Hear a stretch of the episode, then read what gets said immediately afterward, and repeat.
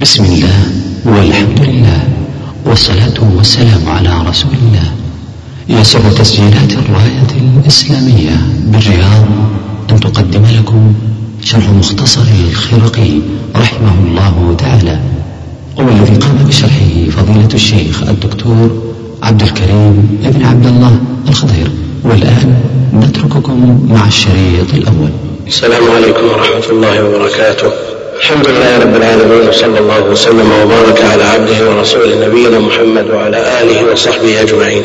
أما بعد فقد اشتمل الجدول الجديد لهذه السنة على مفاجأة وهي تغيير كتاب طالما انتظره الإخوان وفرحوا به وهو كتاب منتهى الإرادات إلى كتاب مختصر جدا يعني من أصعب المتون وأطولها إلى أسهلها وأخصرها يعني بين شاسع بين الكتابين وتم التغيير بناء على مشاورة بعض الإخوان من كبار الطلاب وبعض المشايخ وبعد معاناة خلال فصل دراسي كامل يزيد على ثلاثة أشهر عانى فيه كثير من الطلاب.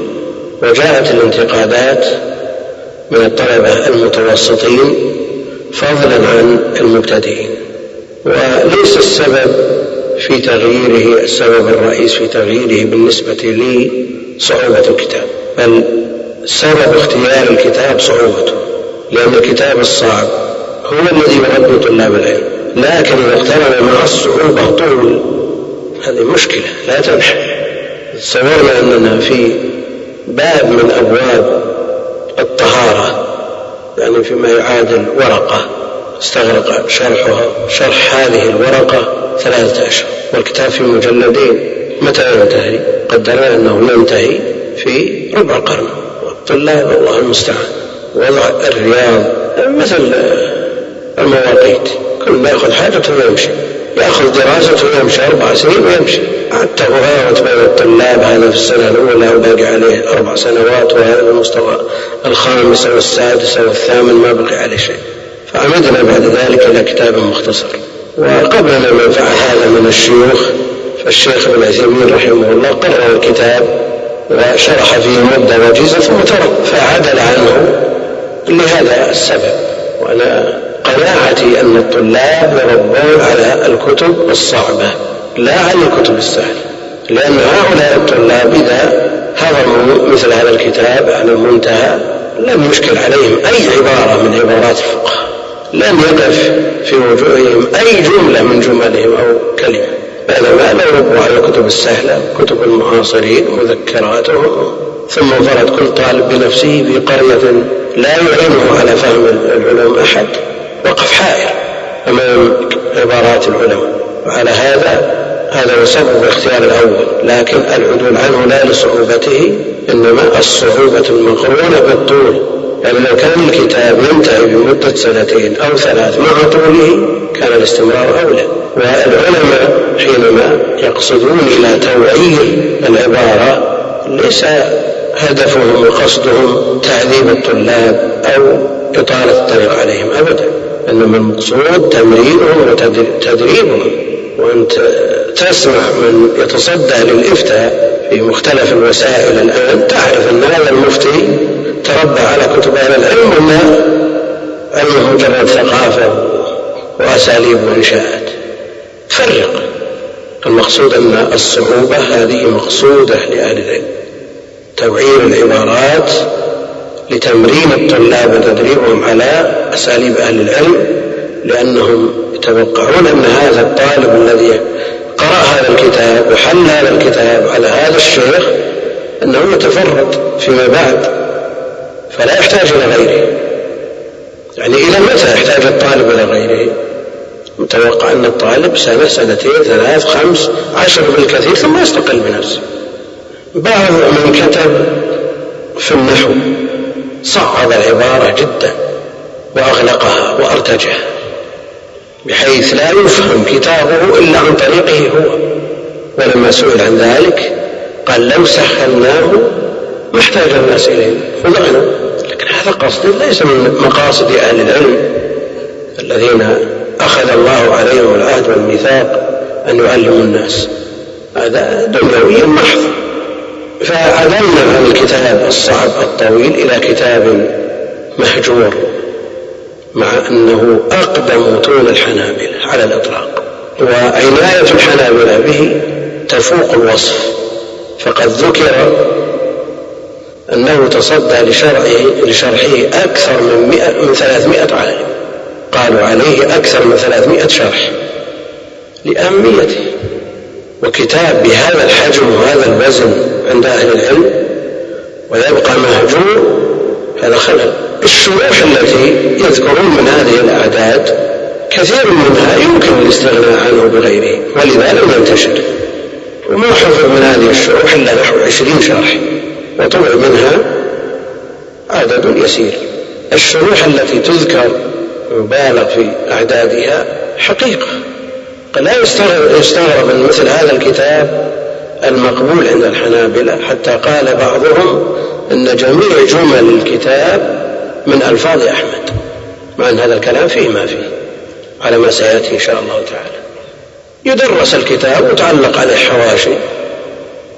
هذا الشيخ يسمى شرح الذي علقت عنه هذه الحاشية. وآخر كذلك وثالث ورابع نظير ما صنعوا في تفسير البيضاوي. قالوا عليه أكثر من 120 شرح وهو من هذا النوع. كتاب كتبت له الشهرة فصار يدرس المساجد وكل شيخ يقيد عنه بعض الحواشي وتصير حاشية اسم ذلك الشيخ. لكن الحواشي التي تستحق أن يتداولها طلاب العلم معدودة. كما أن الشروح من بين هذه الأعداد الهائلة لهذا الكتاب معدودة. هذا الكتاب المختصر ألفه الخراقي أبو القاسم عمر بن حسين المتوفى سنة أربع وثلاثين وثلاثمائة وهو من الطبقة المتقدمة من الحنابلة هو من تلاميذ بعض الآخذين عن تلاميذ الإمام فهو متقدم جدا يعني في أول القرن الرابع. بينما الكتب الأخرى المتداولة المعتمدة متأخرة. وفي بداية الأمر وأثناء الاستشارة مع الأخوان صار الخلاف بين ثلاثة كتب هي المعروفة المتداولة بين الناس العمدة أو الدليل أو الزاد ولا شك أن هذه كتب عمد لكنها طرقت المشايخ كلهم يشرحون هذه الكتب. فما المانع أن يبدأ بهذا الكتاب؟ فقررناه. وهذا الكتاب لا شك أن فيه ما يوافق عليه الكثير الغالب وفيه ما يخالف كغيره من المتون وفي غيره من الكتب المختصرة أيضا من الزوائد عليه ما يوجد إن شاء الله تعالى يبين في مواضعه فالعمدة فيها مسائل لا توجد في المختصر. والدليل فيه مسائل لا توجد في المختصر والزاد فيه مسائل أكثر لا توجد في المختصر. وتتم الإشارة إليها إن شاء الله تعالى في مواضعه. هذا الكتاب وجد ولقي قبول وعناية من الحنابلة عناية فائقة. وذكرنا الشروح ونظم من قبل جمع من أهل العلم. وكتبت عليه الزوائد من الكتب لأنه صار محور يدار حوله. فمن شروحه هذا شرح ابن البنا مسمى بالمقنع في شرح مختصر الخرقي لأبي علي الحسين بن علي بن أحمد بن عبد الله بن البنا المتوفى سنة إحدى وسبعين وأربعمائة. إحدى وسبعين وأربعمائة. وهذا الكتاب مطبوع محقق في أربعة مجلدات. هذا من أوائل الشروح يعني بعد مؤلفه بمئة وخمسة وثلاثين سنة قريب منها. قرن ثلث. من شروحه أيضا وهو أشهرها على الإطلاق. في المغني. للإمام الموفق بن قدامة. وهو أشهر هذه الشروح وأحفلها وأوفاها الذي صار عمدة عند الحنابلة وعند غيرهم لأنه من كتب الخلاف. والمؤلف رحمه الله تعالى بنى بالدليل ولعل من أسباب اختيار المختصر إرجاع الطلاب إلى هذا الكتاب ليعنى بالدليل بينما المتون المتأخرة عمدة شراحها على التعليل قد يذكرون بعض الأدلة لكن الموفق موفق في هذا الكتاب وفي غيره من كتبه. وله على المختصر زوائد الهداية على الخرق زوائد الهداية على الخرق وهو مطبوع. اسمه الهادي أو عمدة الحازم في زوائد الهداية على مختصر ابن القاسم. هذا الكتاب المؤمن طبعا مرارا. وجد قبول من أهل العلم قالت العز بن عبد السلام سلطان العلماء معروفة أنه لم تطب نفسه بالفتيا حتى اقتنى نسخة من آه، المغني إضافة إلى ما ذكره من المحلى آه، أقول طبع الكتاب مرارا. طبعة الأولى طبعة المنار مع الشرح الكبير. وكثير من نسخه على نفقة الملك عبد العزيز رحمه الله. طبعة المنار طبعة جيدة لكن المجلد الأول منها. في الطبعة الأولى كثير الأخطاء لأنه قبل وجود النسخة الصحيحة. ثم وجد نسخة سليمة فطبع طبعة مرة ثانية المجلد الأول وطبع بعده المجلدات الثاني وما يليه إلى الثاني عشر. وطبع معه الشرح الكبير على المقنع على المقنع. والسبب في جمع الكتابين التشابه الكبير بين الكتابين. فجل الشرح الكبير مأخوذ من المغني. ولو جردت زوائده على المغني ما جاءت في مجلد عن الشرح الكبير. بعد ذلك طبع في المنار مفرد في تسعة مجلدات. ثم طبع في مطبعة الإمام لمصر في عشرة مجلدات ثم تتابعوا على طبعه لأنه كتاب مرغوب وله شهرة واسعة مطبقة للآفاق فلا يستغني عنه عالم فضلا عن طالب العلم. لا يستغني عنه مشتغل بالفقه ومن لديه اهتمام بالأحكام. من الشروح المطبوعة. أما المخطوطة كثيرة جدا والمفقودة أكثر لكن ما نتعرض لها من الشروح؟ شرح اسمه الواضح في شرح مختصر الخرقي تصنيف نور الدين أبي طالب عبد الرحمن بن عمر بن أبي القاسم الضرير. وله شرح آخر أخصر من هذا لكنه لم يتم. متوفى سنة أربع وعشرين وستمائة. مطبوع. في ثلاث مجلدات كبار ثم طبع في خمسة. وهناك شرح لشمس الدين محمد بن عبد الله الزركشي المتوفى سنة اثنتين وسبعين وسبعمائة. وهذا أيضا مطبوع ومنتشر ومحقق تحقيق علمي دقيق لفضيلة شيخنا الشيخ عبد الله بن جبرين. ومشهور أيضا والكتاب نفيس. الكتاب أيضا هو الذي يلي المغني في الأهمية. هو الذي يلي المغني في الأهمية.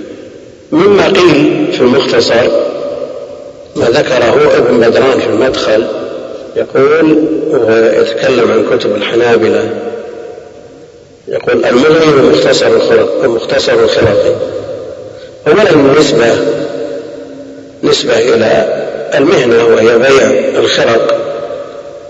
كثر الانتساب إلى المهن. بعد أن كان الانتساب إلى القبائل كثر الانتساب إلى المهن والبلدان والأقاليم. فمنها الخرق. هناك بلدتان قريبة من هذا الاسم. إحداهما اسمها خرق. والثانية خريق.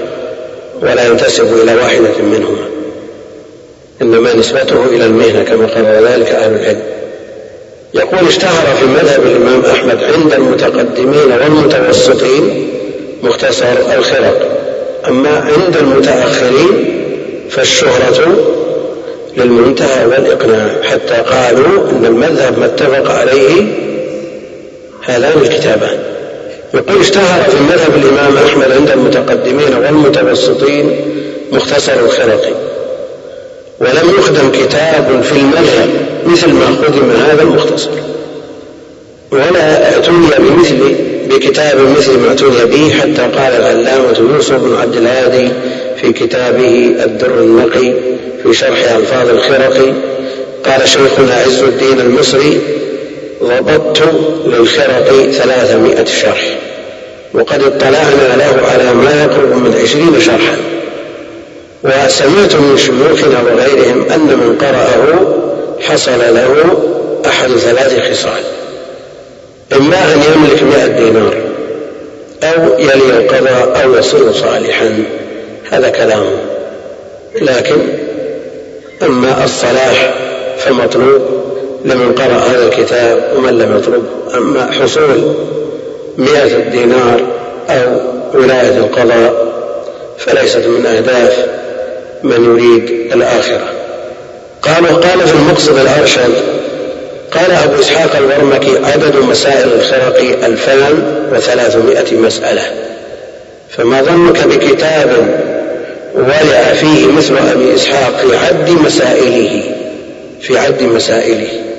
نعم المتأخرون يعنون بمثل هذا بالأعداد وترتيب المسائل. وعدها وضبطها لكن ليست هذه من عنايات المتقدمين لأنها ليست من متين العلم. بعض المالكية قال إن في مختصر خليل مئة ألف مسألة منطوقة ومئتي ألف مسألة مفهومة لكن هذه مبالغة مبالغة الكتاب معصور لكن لا يصل إلى هذا العدد. وما ذلك إلا لمزيد الاعتناء به وكتب أبو بكر عبد العزيز على نسخته مختصر الخرقي خالفني الخرقي في مختصره في ستين مسألة ولم يسميها وقال القاضي أبو الحسين بن الفر تتبعتها فوجدتها ثمانية وتسعين مسألة انتهى. وبالجملة هذه المسائل ذكرها القاضي بل ذكرها ابنه في طبقات الحنابلة في أوائل الجزء الثاني. وبالجملة فهو مختصر بديع لم يشتهر متن عند المتقدمين اشتهاره. وأعظم شروحه وأشهرها المغني للإمام موفق الدين المقدسي. وقد كان في تسع مجلدات ضخام بخطه. وأغلب نسخه الآن في ثلاثة عشر مجلدا. نسخ تقسيمها يختلف بحسب النساخ لأن الناسخ حسب ما يتبع من طريقة في النسخ في النسخ كان يعتمد الخط الدقيق تقل المجلدات وإن كان الحرف كبيرا تكثر المجلدات. على أن تكون بداية كل مجلد من باب أو كتاب معتبر وطريقته في هذا الشرح أنه يكتب المسألة من الخرق ويجعلها كالترجمة.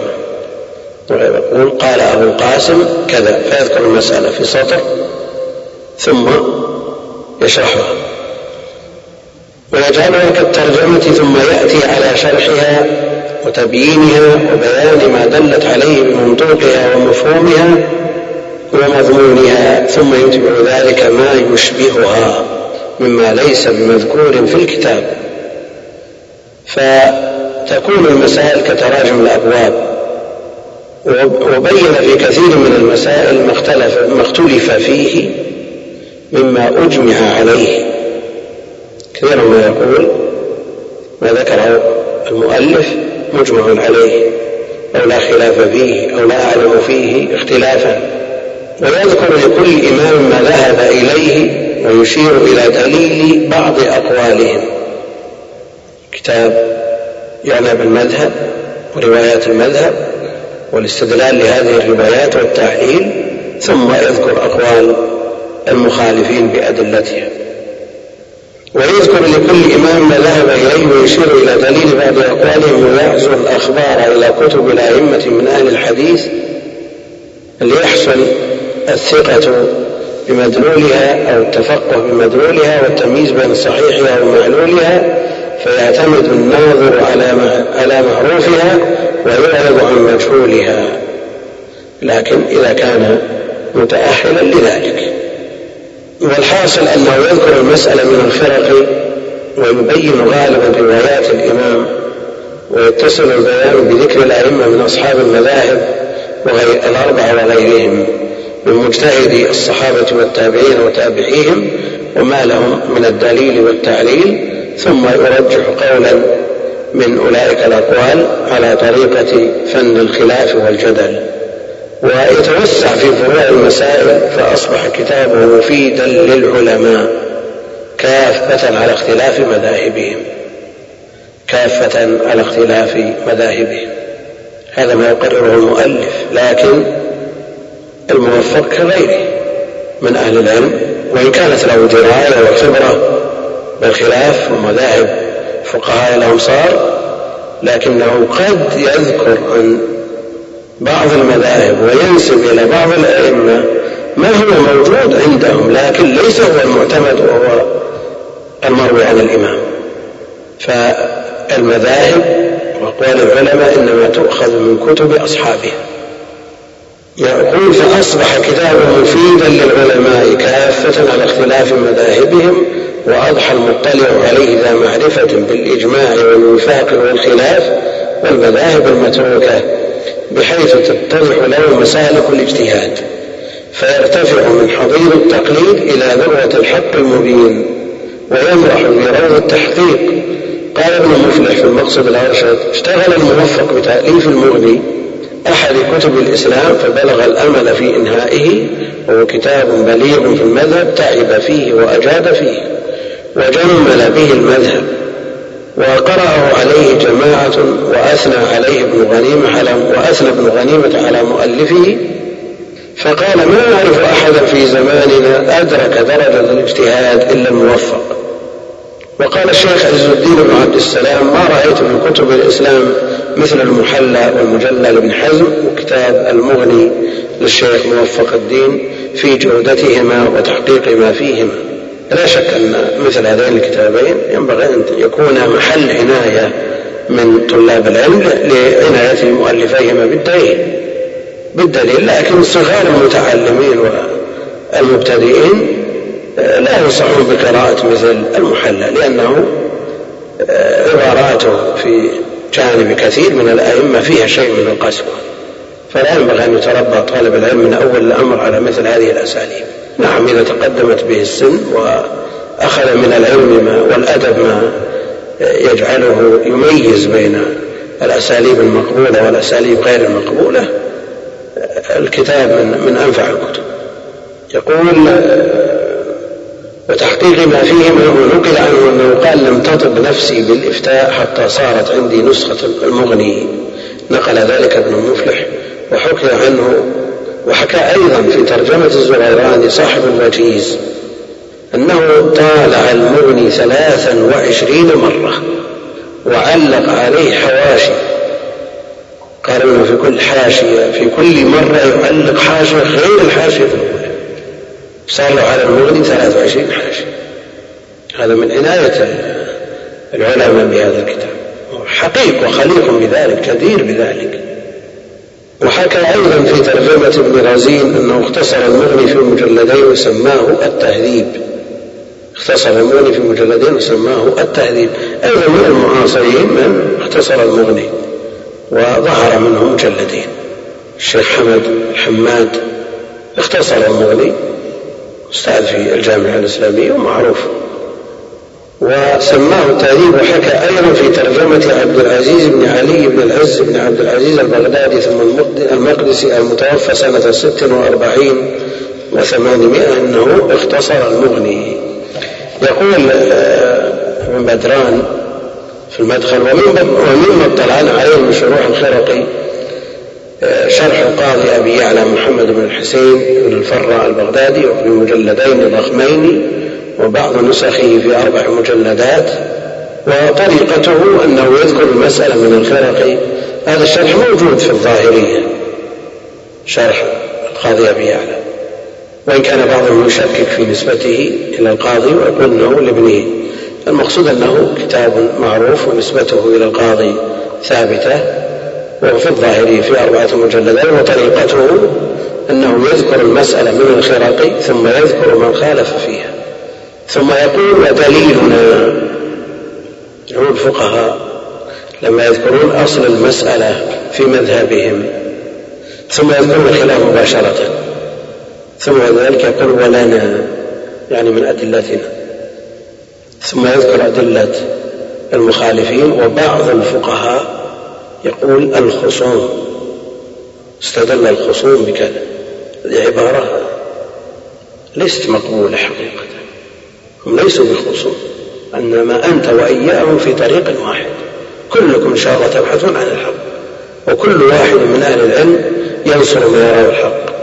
نعم هناك من تعصب طريقة الأتباع في هذا لا سيما من قل علمه معروفة. يقول طريقته أنه يذكر المسألة من الخرق ثم يذكر من خالف بها ثم يقول ودليلنا فيفيد في إقامة الدليل من الكتاب والسنة والقياس على طريقة الجدل. مثاله أنه يقول مسألة قال أبو القاسم ولا ينعقد النكاح إلا بولي وشاهدين من المسلمين. إلا بولي وشاهدين من المسلمين. يذكر من خالف في الجملة الأولى. في الكلمة الأولى بولي ثم الشاهدين يذكر الخلاف فيهما ثم يذكر الخلاف في اشتراط الإسلام. يقول إلا بولي وشاهدين من المسلمين أما قوله لا ينعقد إلا بولي فهو خلاف لأبي حنيفة. في قوله الولي ليس بشرط في نكاح البالغة. دليلنا فيذكر دليل المسألة سالكا مسلك فن الخلاف ثم يقول وقوله بشاهدين من المسلمين خلافا لمالك وداود. خلافا لمالك وداود في قولهما الشهادة ليست بشرط في انعقاد النكاح وخلافا لأبي حنيفة لأبي حنيفة في قوله ينعقد بشاهد وامرأتين وينعقد نكاح المسلمة والكتابية بشهادة كافرين. ثم يقول دليل على ذلك على مالك وداود كذا وكذا وعلى أبي حنيفة كذا وكذا. والفرق بين هذا الشرط وبين المغني أن المغني يسلك قريبا من هذا المسلك ويذكر ويكثر من ذكر الفروع زيادة على ما في المتن فلذلك صار كتابا جامعا لمسائل المذهب.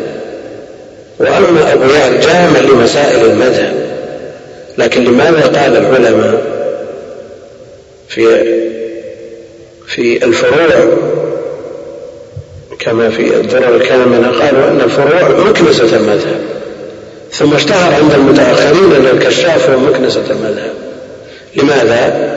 لأن أهل العلم حينما يذكرون المسائل كل واحد يأتي بعد الأول يزيد عليه هذه الطريقة في التأليف والتصنيف سنة إلهية أن الأول من يبدأ يبدأ العمل على وجه يناسب الوقت الذي عاش فيه ثم يجد مسائل تلحق في الكتاب الذي يليه ثم يجد مسائل ونوازل فتلحق في الكتاب الذي يليه. ولذا يرى بعضهم أنه من التكرار أن تقرأ الكتب كلها إنما يقرأ الكتاب الأول ثم زوائد الثاني عليه ثم زوائد الثالث عليه وهكذا.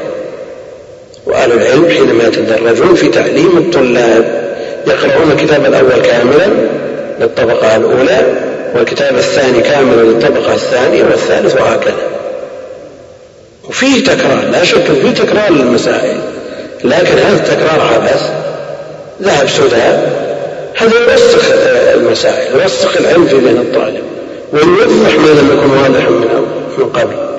لأن بعض المسائل قد تذكر في كتاب على وجه فيه شيء من الخفاء والغموض ثم الكتاب الثاني يطرقها بشيء من الوضوح ثم يوضحها الثالث أكثر وهكذا.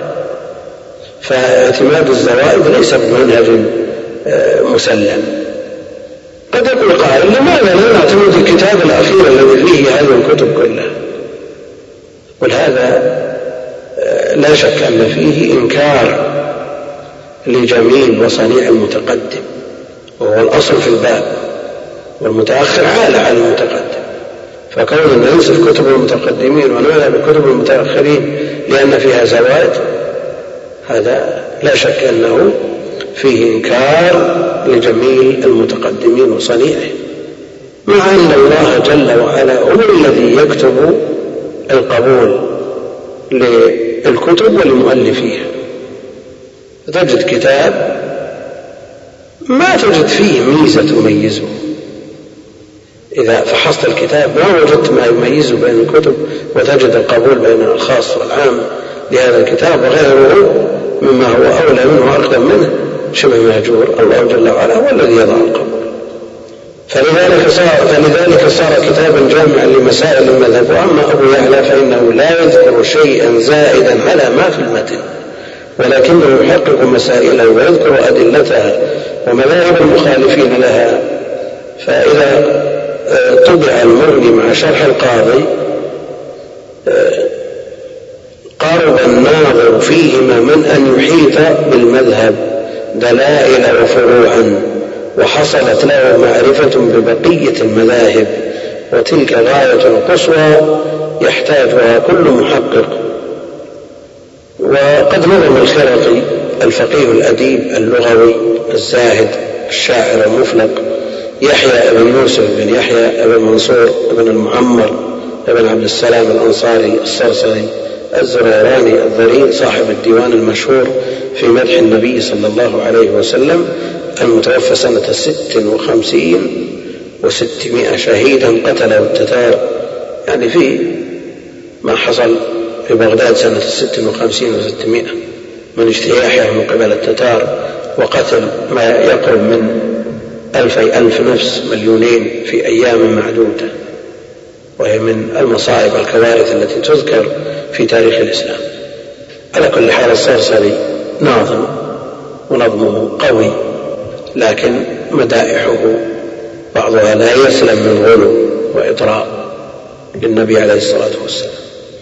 وقد نظم الخرقي نظما صدره بخطبة نثرا قال فيها جعلت أكثر تأويلي في نظمي هذا على مختصر الخرقي فيما نقلته إذا كان في نفس إذ كان في نفسي أوثق من تابعته وسمى نظمه الدرة اليتيمة والمحجة المستقيمة ثم ذكر أنه كان قد عزم على نظم ربع العبادات ثم شرح الله صدره لإكمال الكتاب ففعل ونظمه البحر الطويل وحرف الروي الدال فقال في أوائل النظم يا طالبا للعلم والعمل استمع ما قلت مخصوصا بمذهب أحمد إن من اختار الإمام ابن حنبل إماما له في واضح الشرع يهتدي فأشرع في ذكر الطهارة أولا وهل عالم إلا بذلك يبتدئ.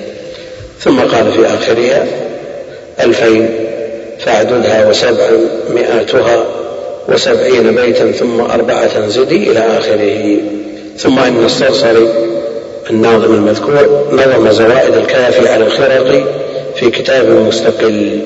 يقول النسخة التي رأيتها وجدت أولها مخروما إلى باب المسح على الخفين فلم أدري ما شرطه فيها والنظم بحر الطويل على روي الدال أيضا. وقال في آخرها فخذها هداك الله أخذ موفق لغر المعاني حافظ متسدد إلى آخره. يقول وألف في لغات الخرقي وشرح مفرداتها يوسف بن حسن بن عبد الهادي كتابا سماه الدر النقي في شرح ألفاظ الخرقي وهو في مجلد. حلا فيه حذو صاحب مطلع ورتبه على أبواب الكتاب وقد رأيته بخطه في خزانة الكتب الدمشقية المودعة في قبة الملك الظاهر ببرس ظاهرية. التي صارت الآن مكتبة الأسد. وحكى في آخره أنه فرغ من تأليف سنة ست وسبعين وثمانمائة وبالجملة فهو كتاب نافع في بابه هذا ما أمكنني الاطلاع عليه من مواد مختصر الخرقي يعني هذا ما قاله صاحب المدخل بن بدران الكتاب طبع طبعة الأولى هذه بعناية الشيخ وإشارة من الشيخ محمد بن عبد العزيز بن مانع رحمه الله. على نفقة قاسم بن درويش فخره ويقول وقف على طبعه وعلق عليه محمد زهير الشمشري صاحب المكتب الإسلامي. صاحب المكتب الإسلامي. ومن منشورات مؤسسة دار السلام للطباعة والنشر دمشق ومقدمته كتبت سنة 78 وثلاثمائة وألف. لا مانع أن نطلع على شيء مما كتبه الشيخ مانع. لأنه ينير بعض الشيء ويفيد ولا سيما أن الطبعة هذه ليست موجودة يعني نادرة جدا. فصاحب العناية إن أرادها يصورها. يقول الشيخ ابن مانع رحمه الله هذا الكتاب المبارك المختصر المفيد من أول ما ألفه علماء الحنابلة في الفقه على المذهب الأحمد. مذهب الإمام أحمد بن محمد بن حنبل المتوفى سنة 41 و200 قوله من أول ما ألف هذه يبرأ بها من عهدة ما لو اطلع على كتاب قبله وإلا بعضهم يجزم بأنه أول ما ألف.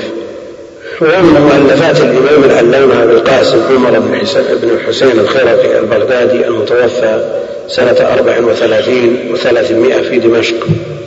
خرج إليها مهاجرا لما كثر سب الصحابة رضي الله عنهم في بغداد يقول قد تلقى علماء المذهب هذا الكتاب بالقبول وعنوا به أشد العناية لغزارة علمه مع صغر حجمه وقلة لفظه.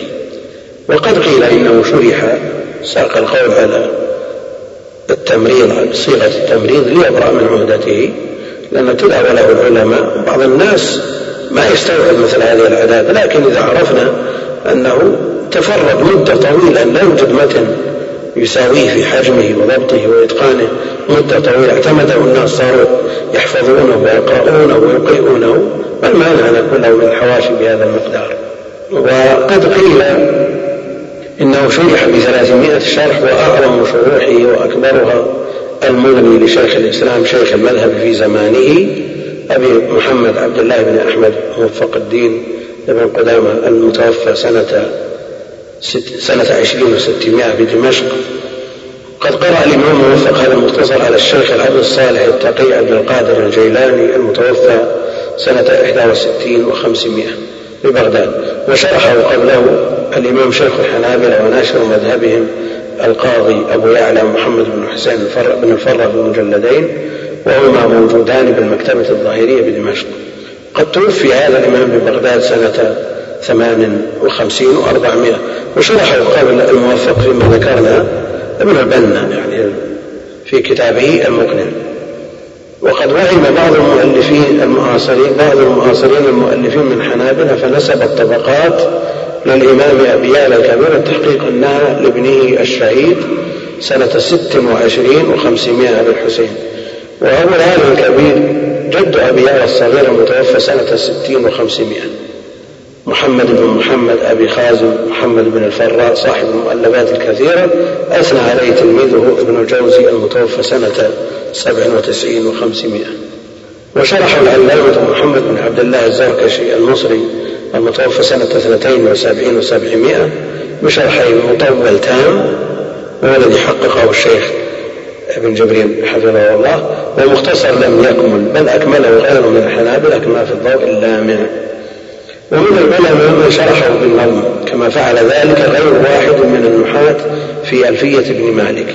فنظم العلامة المحدث جعفر بن أحمد السراج المتوفى سنة خمسمائة مؤلف مصارع العشاق. فقيه محدث ويؤلف مصارع العشاق.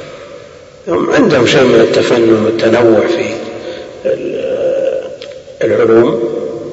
ولا يرون بذلك بأس.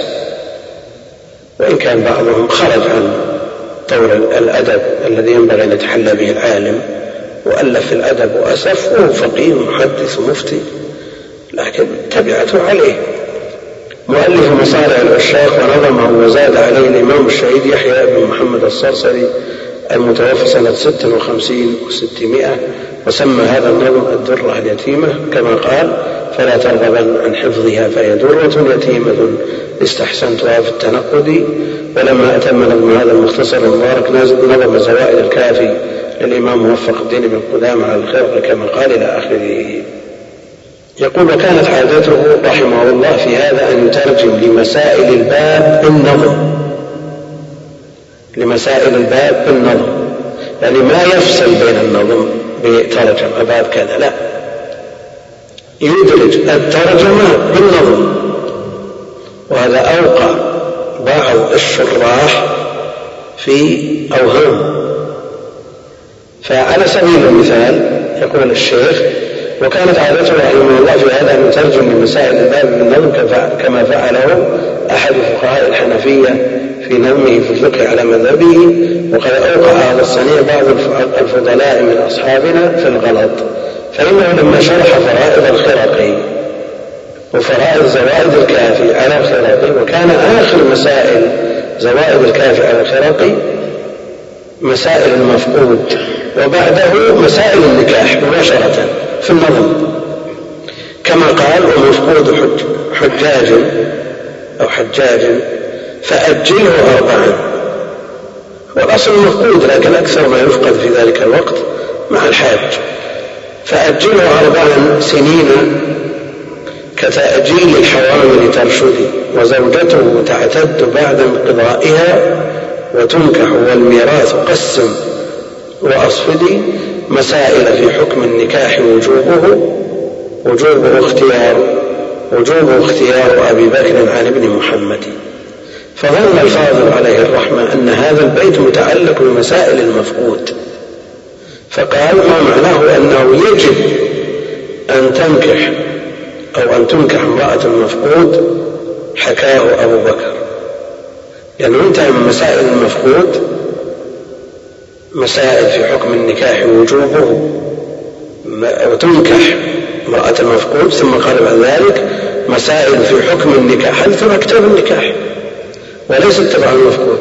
فذكر حكم النكاح ووجوب اختيار أبي بكر آه، عبد العزيز غلام الخلال. فظن الفاضل عليه الرحمة أن هذا الباب متعلق بمسائل المفقود فقال من معناه أنه يجب أن تنكح امرأة المفقود حكاه أبو بكر وأبو بكر آه، الذي ذكره غير أبي بكر الذي حكى عن الإمام أحمد.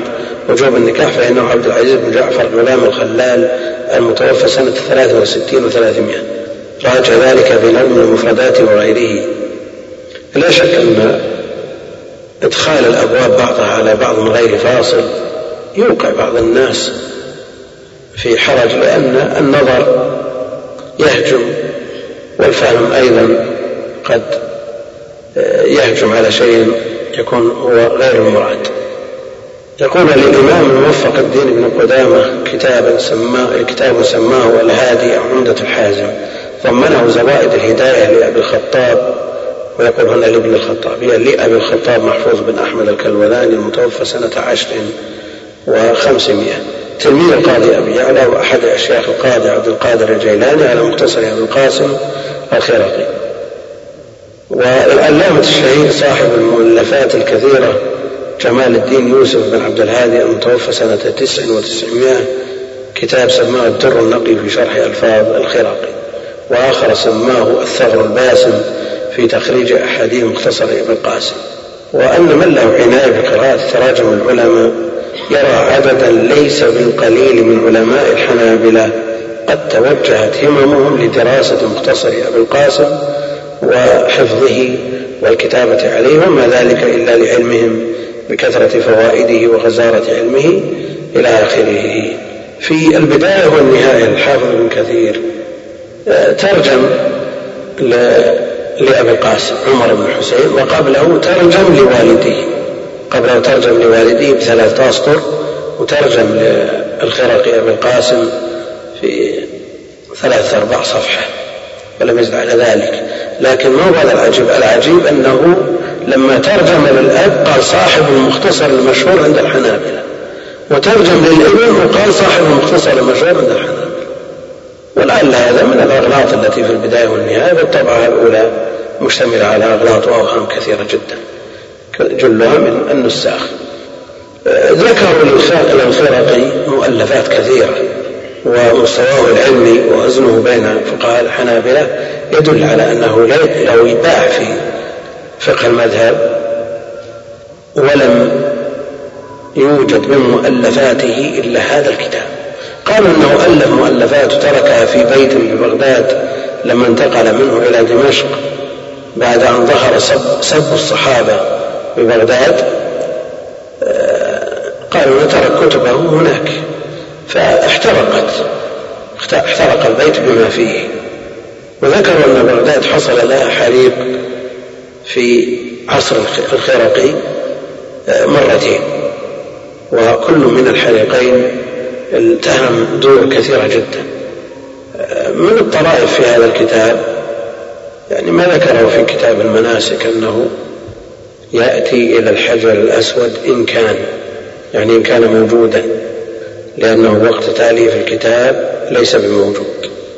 وفتنة القرامطة وعدوانهم على الحجاج وعبثهم بالمسجد وقتلهم الحجاج وأخذهم الحجر الأسود إلى بلادهم. معروفة ومكث عندهم ما يقرب من عشرين عاما. من أيضا ما ذكره أنه سمع أباه يسأل أهل البادية متى يجذع الظأن يعني متى يكون جذعا. فقالوا إن الظأن ما دام صغيرا يكون شعره واقفا فإذا أجذع نام شعره. على كل حال مثل هذه توجد في كثير من الكتب لكن تذكر في مثل هذا المجال. ويؤخذ من قوله في كتاب الحج تاريخ تأليف الكتاب وأنه في هذه الحقبة التي الحجر الأسود فيها غير موجود. أسئلة كثيرة عن أفضل الطبعات قلنا أن الكتاب طبع بإشارة من الشيخ ابن مانع رحمه الله سنة 78 قرب من 50 عاما 78 والآن 26 48 عام. طبعة جيدة ومحققة ومقابلة على نسخ وفاخرة حقيقة لكنها غير موجودة. طبعا هذه غير موجودة لأنها وقف وزعت ثم طبع ومعه حاشية للشيخ محمد بن عبد الرحمن بن إسماعيل مطبوع سنة ثمانية ثمانية عشر عاما مكتبة المعارف طبعته مكتبة المعارف حاشية طيبة مأخوذة من مشهورات كتب المذهب ومن فتاوى الشيخ محمد بن إبراهيم وغيرها. المقصود أن حاشية فيها تنبيهات لطيفة يعتنى بهذا الكتاب أول مرة. رايته الآن. يقول شرح مختصر الخرقي تأليف أبي عبد الله خالد بن عبد الله بن حميد الأنصاري. أول مرة. أراه الآن. في هذا الدرس ومطبوع سنة 25 في ثلاثة أجزاء. وله سلسلة من شروح المتون سمى السلسلة مكتبة المبتدئ في طلب العلم الشرعي. المدخل إلى دراسة المختصرات شرح الأصول الثلاثة شرح العقيدة الوسطية شرح مختصر الخرقي شرح مقدمة الأجرومية شرح الورقات شرح نخبة الفكر. هذه متون معتمدة عند أهل العلم يبتدي بها الطالب. يقول أنا بإذن الله مبتدئ في علم الفقه فهل تنصحني بحضور هذا الدرس؟ نعم. هذا الكتاب انصح به. لا جاءنا أسئلة لما كان الكتاب المنتهى. قل أنا طالب مبتدئ تنصحني ولا ما ننصحك لكن هذا الكتاب ينصح به المبتدئ. يقول ما هي أفضل طبعة للمغني ما رأيكم في الطبعة التي حققها الدكتور التركي؟ اعتمادا على الطبعات القديمة لا سيما طبعة المنار التي مع الشرح أولى الطبعات وقد نراجع غيرها من الطبعات لكن هذا معول على الطبعة الأولى. وطبعة الشيخ التركي فيها عناية وفي مقابلة البعض. النسخ وتصحيح لبعض الأخطاء وتخريج للأحاديث والآثار فنافعة إن شاء الله تعالى. يقول ما هو الشرح المناسب للمبتدئين؟ وهل هذا المتن مناسب للمبتدئين؟ الشرح المناسب قلنا أن المغني يحتاج ما يستغني عنه طالب علم لكن قد يشوش على الطالب المبتدئ. لأننا ذكرنا سابقا أن الطالب المبتدئ يكتفي بتصور المسائل بتصور المسائل. ثم بعد ذلك يعنى بالاستدلال لها. ثم بعد ذلك يعنى بمن وافق ومن خالف مع أدلة الجميع والتوفيق. فمثل هذا لو آه، شوف أنا أخصى الشروح قبل المقنع لابن البنا لكن كان هذا يناسب المبتدئين يعني وكأنه ألفه للمبتدئين. شرح أبي عبد الله خالد بن عبد الله بن حميد الأنصاري. يقول ما أفضل نسخ المتن أفضل نسخة في نظري طبعا الطبعة الأولى. الطبعة الأولى التي اعتنى بها الشيخ ابن مانع رحمه الله. هذه أفضل تعليقات الشيخ الإسماعيلي أيضا مفيدة يستفاد منها. إضافة إلى ما في الشروح. وذكرنا سابقا أن طالب العلم لا يفلح إذا كان لا يعرف الكتاب إلا في الدرس. بل لا بد من المراجعة قبل الحضور. لا بد من المراجعة قبل الحضور. يراجع الدرس ويحفظ المتن ويقرأ ما عليه من شروح مناسبة له ويناقش فيه الأقران ثم بعد ذلك يحضر الدرس. يقول بينما طريقة الزركشي في شرح الخير. أشار إليها المحقق الشيخ عبد الله حفظه الله. الشيخ أطال بمقدمة النفيسة يحتاجها كل طالب علم. في الكتاب نفسه كتاب الزركشي يقول كتاب الطهارة كتاب خبر مبتدأ محذوف هذا كتاب الطهارة ومصدر سمي به المكتوب كالخلق سمي به المخلوق والكتب والكتب في اللغة الجمع إلى آخره والطهارة في اللغة النزاهة يعني يشرح الكلمات. وفي الصحيحين عن ابن عباس رضي الله عنه قال كان الرسول صلى الله عليه وسلم إذا دخل على مريض قال لا بأس طهور إن شاء الله. اي مطهر من الذنوب. وفي اصطلاح الفقهاء قال أبو محمد. أبو محمد من؟ الموفق. رفع ما يمنع الصلاة إلى آخره. فهذه طريقته. ثم قال باب ما تكون به الطهارة من الماء هذا باب وكان هنا تامة لأنها بمعنى الحصول بالحدث أي ما تحصل به الطهارة كما في قوله تعالى وإن كان ذو عسرة على قراءة مشهورة. لا شك أنه مكمل لما في المغني. يعني لا يعتمد على هذا مع المغني لا سيما الطالب المدرك المحصل يقرأ هذا مع المغني يكفيه إن شاء الله تعالى. ثم يذكر الأدلة ويذكر منطوق الحديث ومفهومه وما يدل عليه. وما يدفعه ما يعارض ما يدعمه وما يعارضه من الأدلة يطيط على تنفع طالب العلم. يقول ما رأيكم متابعة فتح الباري التي طبعتها دار طيبة؟ طبعا مناسبة جيدة في الجملة عليها تعليقات للشيخ ابن باز والشيخ عبد الرحمن البراك. وهي طيبة في الجملة ولا نقول أنها آه، سليمة من كل وجه. فتح أفضلها على الإطلاق ملاق ثم السلفية الأولى إذا صححت أخطاؤها يقول ما الذي حمل ابن العزيز من الحنابلة على جعل القسم الرابع للماء وهو المشكوك فيه؟ لأنه يختلف حكمه عن المجزوم بطهارته والمجزوم بطهوريته والمجزوم بنجاسته.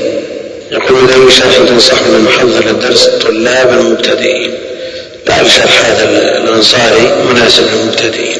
حقيقة أنا ما قرأته لكن هو قطعا أقصر من الشروح القديمة وفي الغالب العبارة تكون أسهل وأيسر وألفه قصدا للمبتدئين. في الأسبوع القادم إن شاء الله تعالى نبدأ بشرح المتن بدأ من المقدمة إلى أول كتاب الطهارة. وإذا رأيتم أن نسلك في الشرح منسلك وسط لأن الكتاب عبارته سهلة. يعني ما تأخذ وقت مثل المنتهى في فهمها وتفهيمها وتصويرها العبارة سهلة. فإن رأيتم أن نسلك مسلك متوسط بحيث ننهي وننجز الكتاب في أقصر مدة فالأمر إليكم. وإن أردتم البسط التوسع الأمر إليكم. السلام عليكم ورحمة الله وبركاته.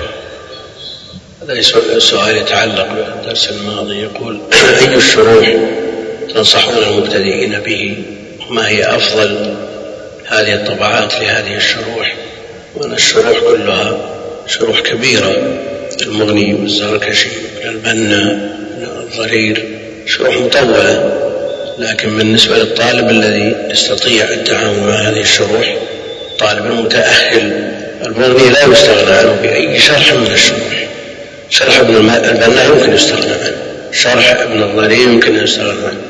لكن المغني لا يمكن الاستغناء فإذا أريد الاستزادة وأراد طالب العلم أن يضم إليه آخر فعليه بشرح الزركشي الشرح هذا المعاصر الأنصاري هذا يقول أنه ألفه للمبتدئين ألفه للمبتدئين فيستفاد منه. يقول ما أفضل طبعات المغني لابن قدامة؟ المغني طبع مرارا شر إلى شيء منها سابقا لكن طبعة من تركي الشيخ عبد الله التركي لا بأس بها في الجملة. ما تسلم من الأخطاء يعني؟ ما بسليمة مئة بالمئة؟ أو أن خدمتها للكتاب ولمسائل الكتاب ولعزو الأقوال وحتى ولا تخريج الأحاديث ليست الخدمة التامة لكن هي أفضل من الطبعات السابقة. الطبعة الأولى عن نفقة الملك عبد العزيز. هذه طبعة جيدة ونفيسة ومعها الشرح الكبير.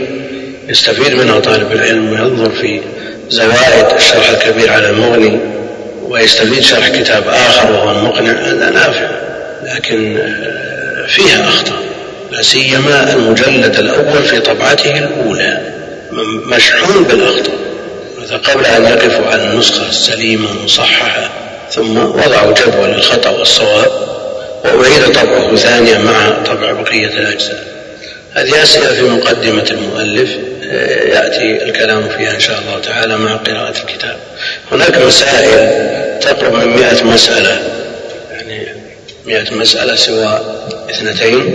ذكر صاحب الطبقات ابن أبي يعلى في ترجمة الخرقي قال قرأت أبي بكر وقرأت بخط أبي بكر عبد العزيز أنا غلام الخلال على نسخة نسخة مختصر الخرقي يقول عبد العزيز خالفني الخرقي في مختصره في ستين مسألة ولم يسمها فتتبعت أنا اختلاف معكم معكم إيه لكن الطباعة سيئة مع أنه ادعى تحقيقها. تتبعت أنا اختلافها؟ إيش اختلافها؟ فوجدته إيه فوجدته في ثمانية وتسعين مسألة أولا في ثمان وتسعين مسألة واختلافها إيش كيف ادعى ادعى تحقيقها في سطر واحد أكثر من خطأ. على كل حال هذه المسائل موجودة في الطبقات في ترجمة الخرقي وتصدى واحد من الإخوان جزاه الله خيرا فصورها ويمكن أن توضع في محل التصوير. اللي ما عنده الطبقات يستفيد منها. يقول خالفني الخرقي في مختصره. أيهم المخالف وأيهم المخالف أيهما؟ المتأخر والمخالف. والمتقدم هو المخالف وعلى هذا المتقدم الخرقي فالأصل أن يقول خالفته. عندنا كتاب شيخ الإسلام محمد بن عبد الوهاب مسائل الجاهلية التي خالف فيها نعم الآن المخالفة مدح ولا قدح؟ لا في مثل هذا الكتاب.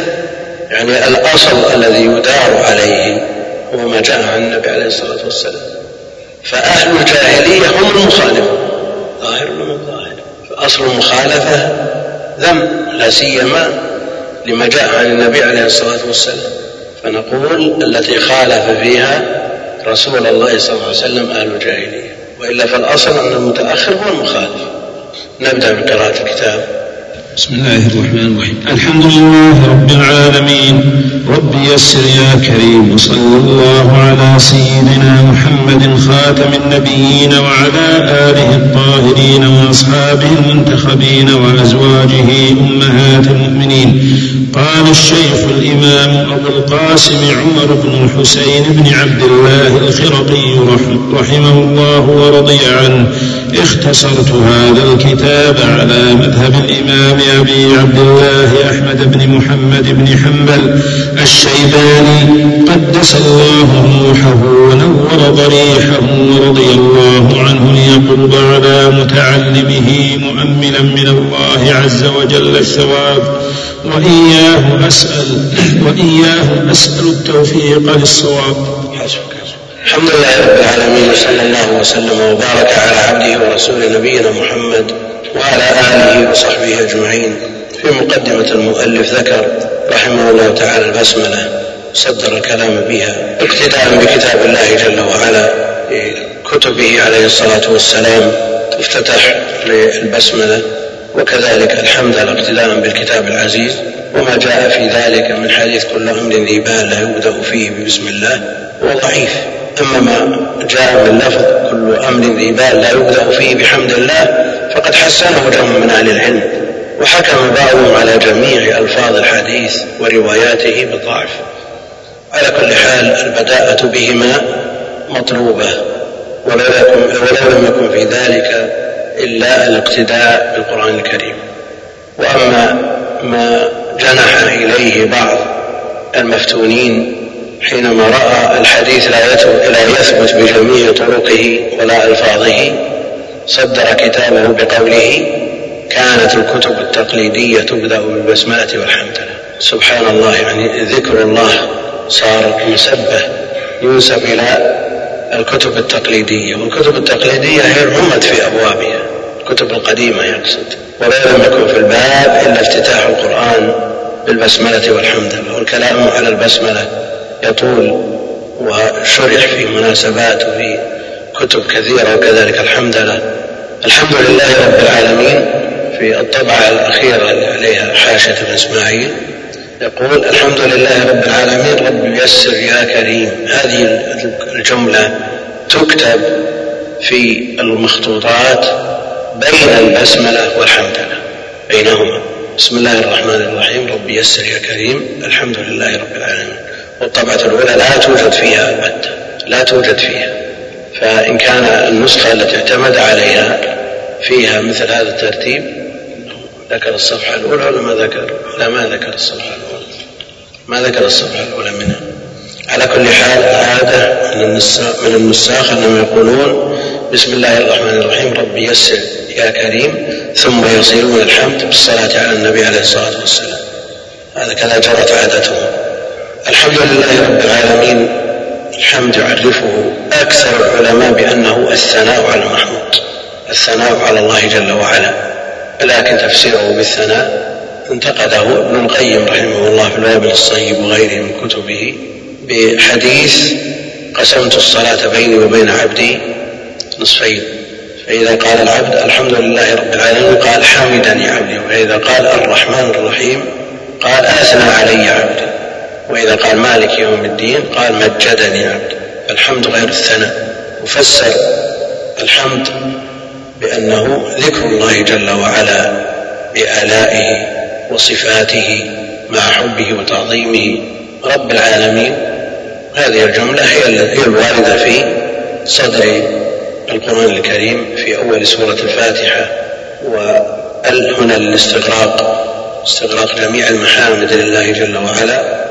لله خاص بالله جل وعلا. الحمد المستغرق بجميع أنواعه خاص بالله جل وعلا رب العالمين الذي رباهم بنعمه والعالمين جمع عالم وكل ما سوى الله جل وعلا عالم وهم عالمون باعتبار أجناسهم فكل جنس عالم. وصلى الله على سيدنا محمد خاتم النبيين ولم يذكر التسليم. اقتصر على الصلاة.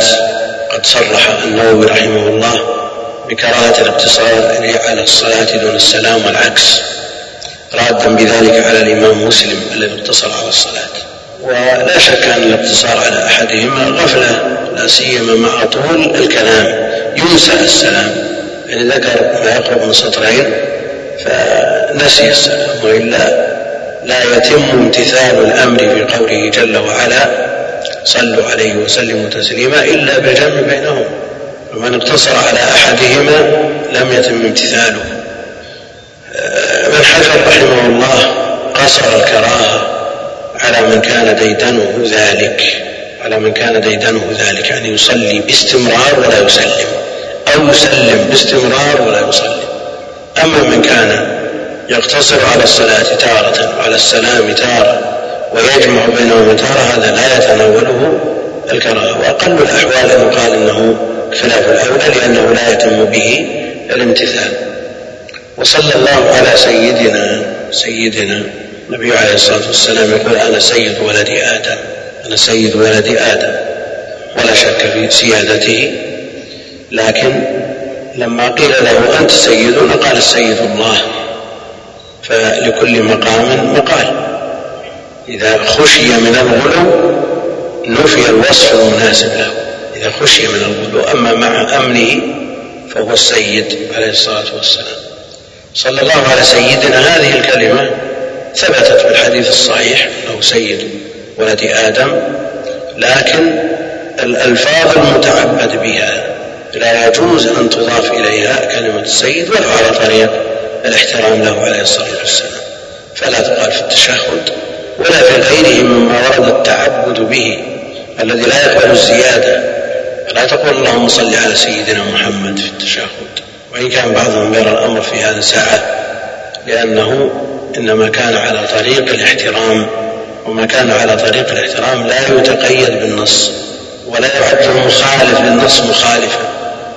ويستدلون بأمره عليه الصلاة والسلام لأبي بكر أن يثبت في مكانه حينما صلى مكان النبي عليه الصلاة والسلام أمر ومع ذلك تأخر. قالوا أبو بكر رضي الله تعالى عنه خالف أمر النبي عليه الصلاة والسلام ولم يسرب عليه لأن هذه المخالفة تتضمن احترامه للنبي عليه الصلاة والسلام. لكنها مخالفة مقررة من قبله عليه الصلاة والسلام. فما كان مقرر يكون مشروعا وما لم يقرر من قبله عليه الصلاة والسلام فالأصل أن لا يتعبد إلا بما شرع النبي بما شرعه الله جل وعلا على لسان نبيه عليه الصلاة والسلام. على سيدنا محمد خاتم النبيين خاتم يعني آخرهم ولا نبي بعده عليه الصلاة والسلام. وبعض الفرق الضالة التي ترى أو ادعت أنه وجد بعد النبي عليه الصلاة والسلام نبي منها من هذه الفئة الضالة قالوا أنه عليه الصلاة والسلام خاتم النبيين.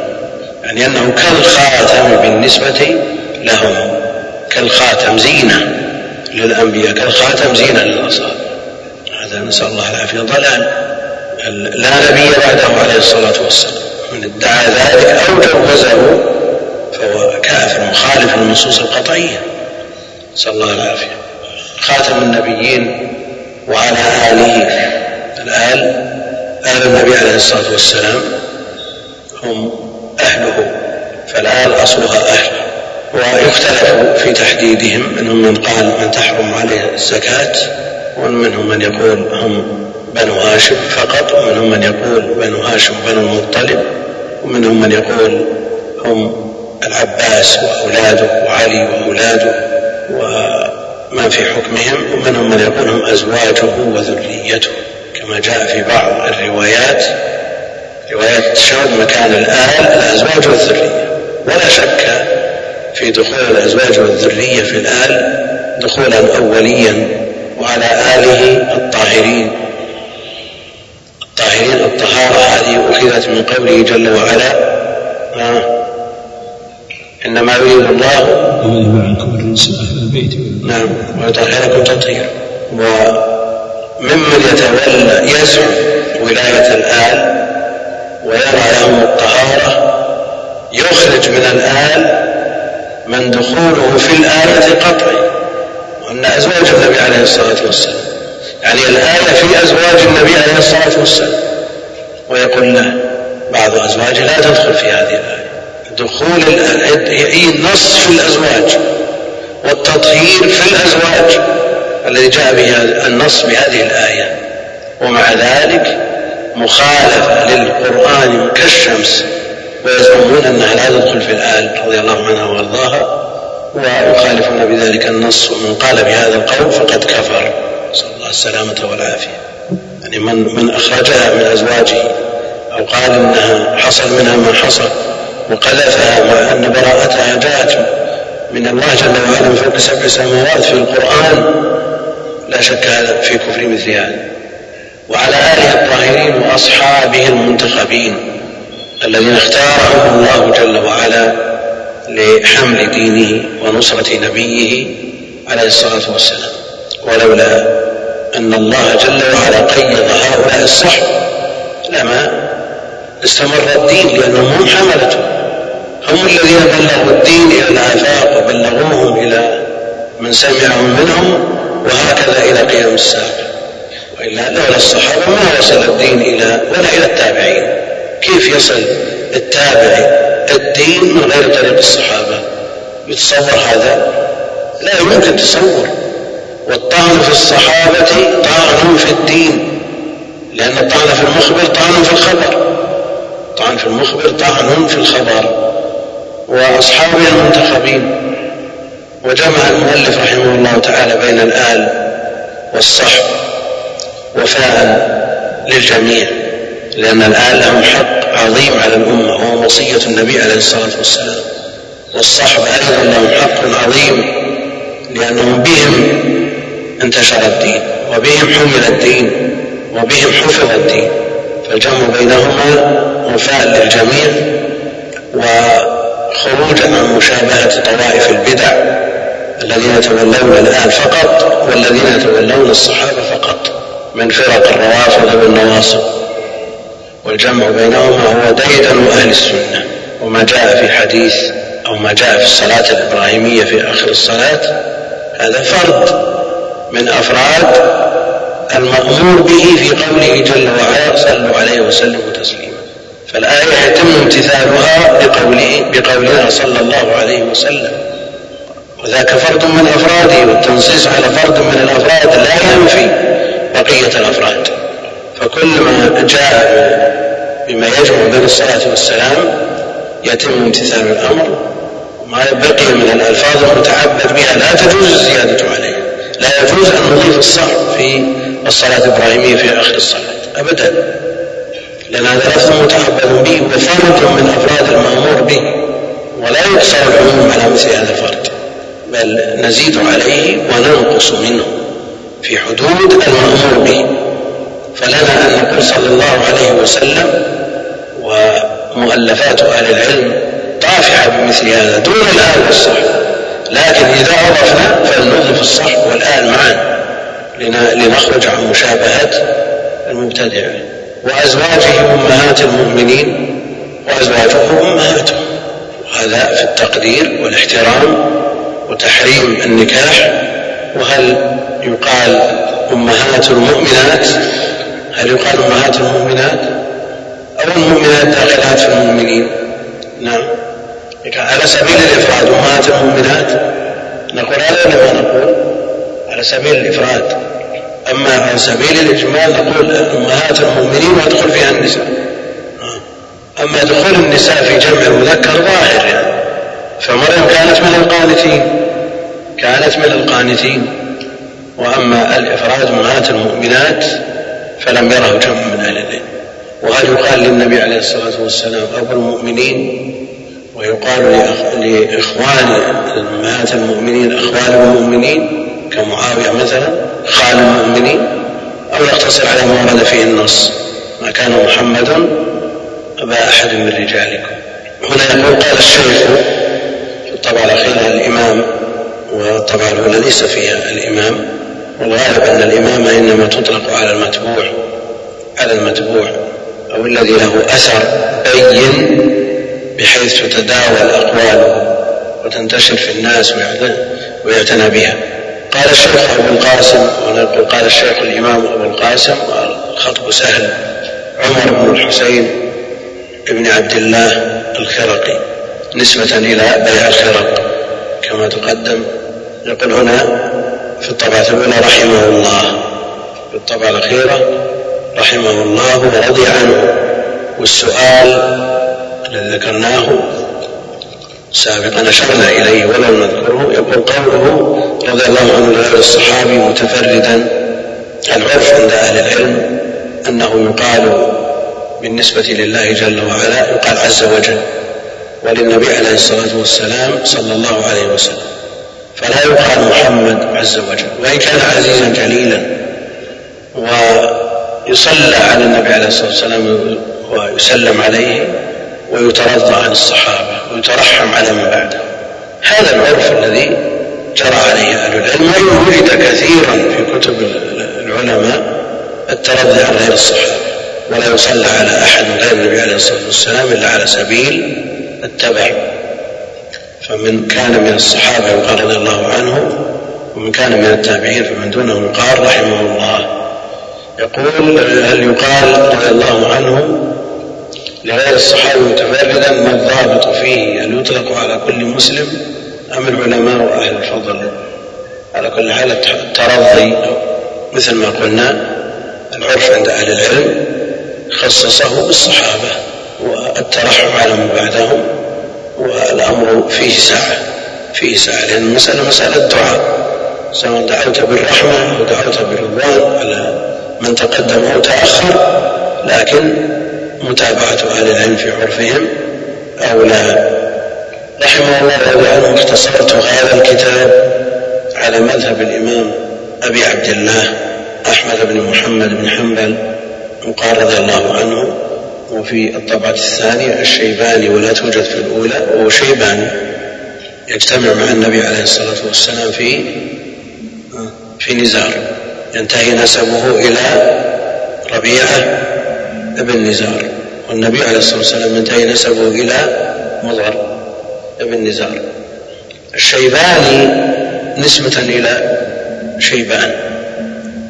فهل شيبان الذي ينتسب إليه الإمام أحمد رحمه الله هو شيبان الذي النسبة إليه موجودة الآن. الشيباني والشيابين اللي هم فرع من عتيبة صح؟ طيب. هي هي ولا غير؟ غيرها طيب. ليست هي. طيب. عتيبة هذه ترجع إلى حوازن. نعم. نعم. يقول الشيباني قدس الله روحه. أيضا سؤال ما معنى قول نور ضريحه وهل هذا الدعاء بهذا اللفظ صحيح. آه، يقول في الطبعة الأولى رضي الله عنه فقط. في الطبعة الأخيرة قال الشيباني قدس الله روحه. يعني طهرها هذه كلمة متداولة عند أهل العلم. طهر الله روحه. ونور ضريحه. نوره يعني مرقده ضريحه قبره ما في إشكال. إن شاء الله تعالى. ولا يفهم الناس من الضريح إلا أنه البناء على القبر يسمونه ضريح. لكنه يطلق بإزاء القبر نفسه. ورضي عنه ليقرب على متعلمه. لا شك أنه هذا الكلام المختصر في مذهب الإمام أحمد إنما اختصر وقلل فيه الكلام وكثرت فيه المعاني. هذا حد الاختصار. قلة الكلام مع كثرة المعاني الذي هو بمعنى الإيجاز ويقابله الإطناب. فهذا مختصر ويقابله مطول. فالكتب والمؤلفات والمصنفات عند أهل العلم على أنحاء. منها المختصر. كهذا ليقرب على متعلمه فيسهل حفظه. فيسهل حفظه. وتؤلف المطولات لتفهم. فشأن المختصرات الحفظ وشأن المطولات الفهم والاستزادة من العلوم التي تذكر فيها مما لا يذكر المختصرات. فمرة يؤلفون مختصرات لتحفظ وتقرب ويقرب تناولها بالنسبة للطالب وتارة تجد المؤلفات مطولة وأحيانا تكون متوسطة وأحيانا يؤلف المختصر ثم يؤلف عليه شرح مطول ثم يكتب على الشرح حاشية. بعض الناس يقول إيش هذا التعب؟ يكتب كتاب مطول من الأصل. لماذا ندور على كتاب مختصر ثم نطول فيه ثم نكتب عليه حاشية؟ من الأصل نجمع المعلومات كلها في كتاب ما نحتاج إلى مختصر. وما دام المغني موجود إيش نستفيد من هذا الكتاب؟ بعض الناس يقول مثل هذا. يعني مثل ما قيل لماذا الكتب طبقات؟ طبقة المبتدئين المتوسطين المنتهين. لماذا هذا المعنى نقرأ العلم الواحد أربع مرات. ليش؟ نقرأ مرة واحدة هو الكتاب الكبير فيه كل ما في الصغار. لكن ألا يدري أن الصغار المبتدئين ما يدركون ما في هذه الكبار؟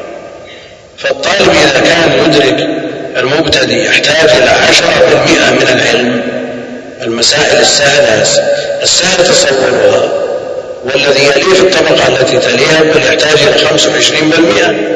فكيف تحمل ما لا يدرك إلا عشرة بالمئة؟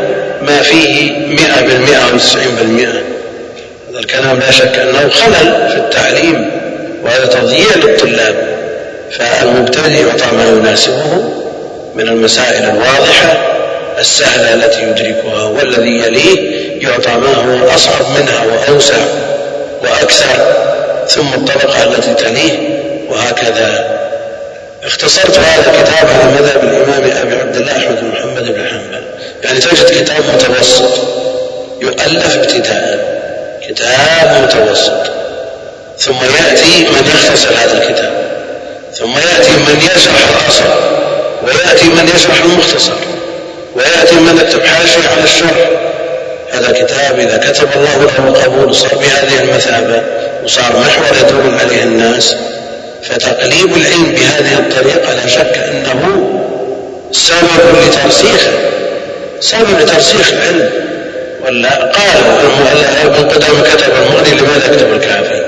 ليش يكتب الكافي؟ كل ما في الكافي موجود المغني ولذلك الكافي له ناس له ناس يناسبهم والمغني له ناس يناسبهم والمقنع له له رواد والعمدة لها أهل ويتندرون في المجالس أن أهل العلم ينقل بعضهم من بعض هذا اختصر كتاب فلان وهذا يدعي. وشخص ممن علق على النخبة ابن حجر عادته يذكر في شرحها ما له من مؤلفات في الفن الذي يذكر النوع الذي تكلم عليه. ثم يأتي هذا المعلق وهذا كعادته في سرقة الكتب. يختصر كتاب فلان ويدعيه لنفسه. هذا يمكن أن يصدر من طالب علم. قد كتب كعادته في سرقة الكتب. من حجر حفظ الله بمؤلفاته العلم. لا شك أن له مختصرات. اختصر كتب. اختصر البدر المنير اختصره بالتلخيص الحبيب. لكن أيهما أكثر وأشهر عند العلماء؟ يعني البدر المنير طبع بعد التلخيص بمئة سنة والناس ماشيين على التلخيص. نفع الله به عظيما وقل مثل هذا في الإصابة وقل مثل هذا في بقية كتب التهذيب والتقريب وغيرها من الكتب. والله جل وعلا أعدل وأحكم من أن يشهر كتب ينفع بها الناس وهي مسروقة. والله المستعان. ليقبل هذا متعلمه يعني من أجل أن يسهل حفظه على المتعلم ويسهل حصر المسائل وضبطها وإتقانها والمتعلم لمثل هذا المختصر وغيره من المختصرات يتعلمه لا لأنه دستور لا يحاد عنه وحي منزل لا يعدل عنه لا. تعلم على أنه كلام لأهل العلم عمدتهم الدليل والتعليم. وقد يكون عند غيره ما هو أرجح منه. المسائل التي خالف فيها غلام خلال هذا الكتاب 98 مسألة. فالصواب مع من؟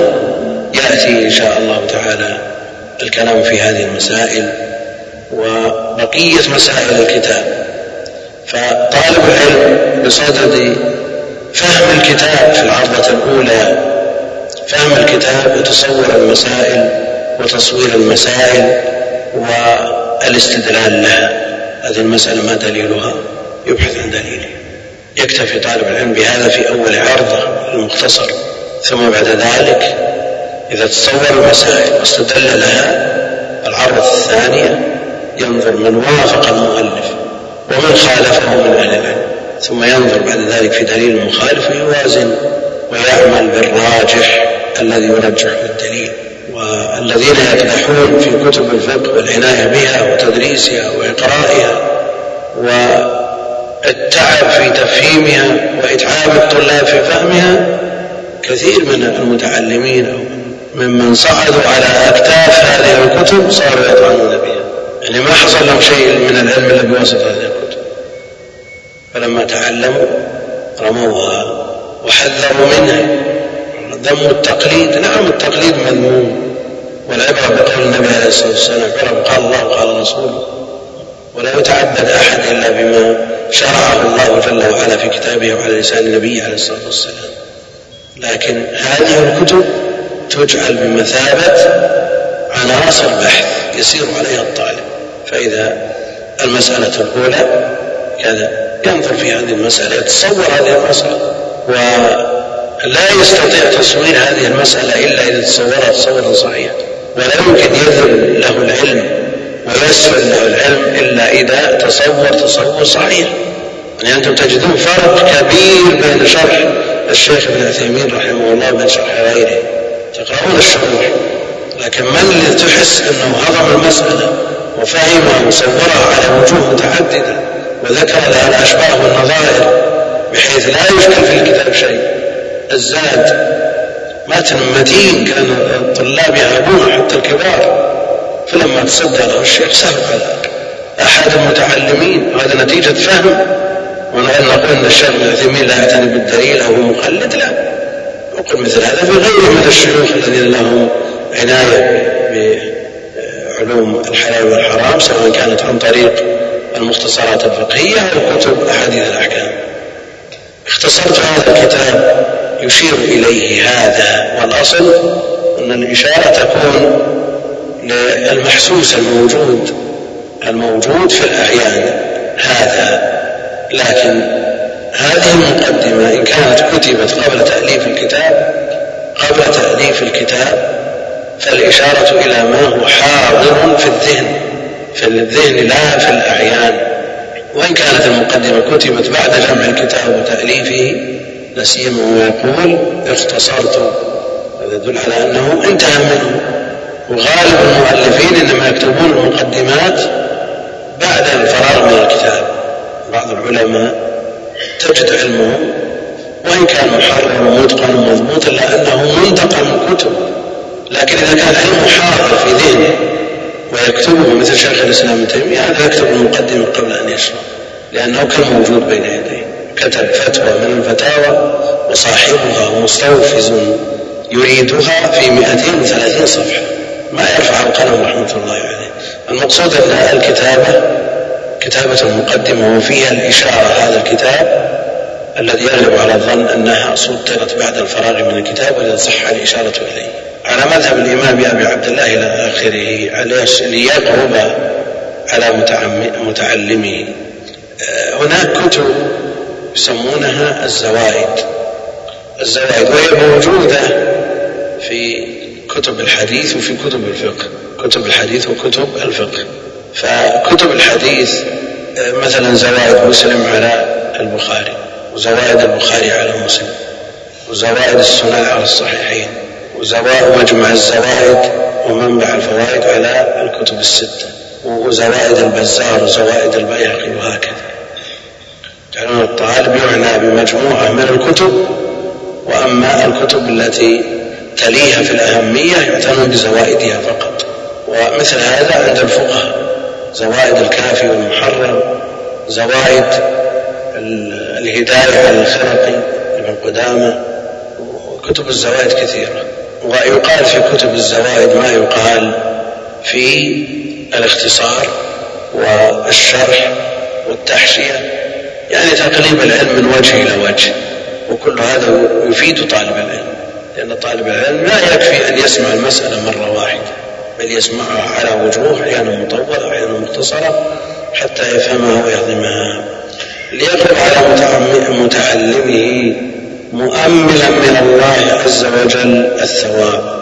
مؤملا الأمل والرغبة في ثواب الله جل وعلا. ومن أمل في الله جل وعلا. لم يخيب. مؤملا من الله عز وجل الثواب. ثواب تأليف هذا الكتاب. وإياه أسأل. التوفيق للصواب. التوفيق للصواب. ومجانبة الخطأ. والخطأ لا بد أن يقع فيه. هو غيره من لم تضمن له العصمة لكن المسألة نسبية. بعض الناس خطأه كثير وبعض الناس خطأه يسير. مغمور في بحار حسناته هذا كمن لا خطأ له. لكن إذا كثرت الأخطاء والشواذ مثل هذا يجتنب مثل هذا يجتنب. وفي الغالب أن الذي يطلب العلم لا على الجهادة المعروفة عند أهل العلم أنه تكثر عنده الشواذ والغرائب. لكن الذي يسلك الجادة المعروفة عند أهل العلم مثل هذا يوفق للصواب. يقول ما رأيكم بمن يرمون أهل الفقه الذين تعصبوا لمذاهبهم الفقهية بأنهم أهل جمود وتقليد وأن الفضل في تحرير الفقه من هذا الجمود هم أهل المدرسة الإصلاحية العقلانية كالشيخ محمد عبده وتلميذه محمد رشيد رضا. أولا هذه المدرسة العقلانية توسعوا فيما يعول فيه على العقل وعولوا عليه وجعلوه حكما على النصوص في بعض المسائل. وضعفوا بعض النصوص الصحيحة من أجل أنها تخالف معقوله. ولو قال هذا السائل أو هذا القائل الذي ينقل عنه السائل لو قالوا أن الفضل في تحرير الفقه من هذا الجمود أهل المدرسة الحديثية يعني بدءا من الألباني رحمه الله تعالى لكان أقرب إلى الصواب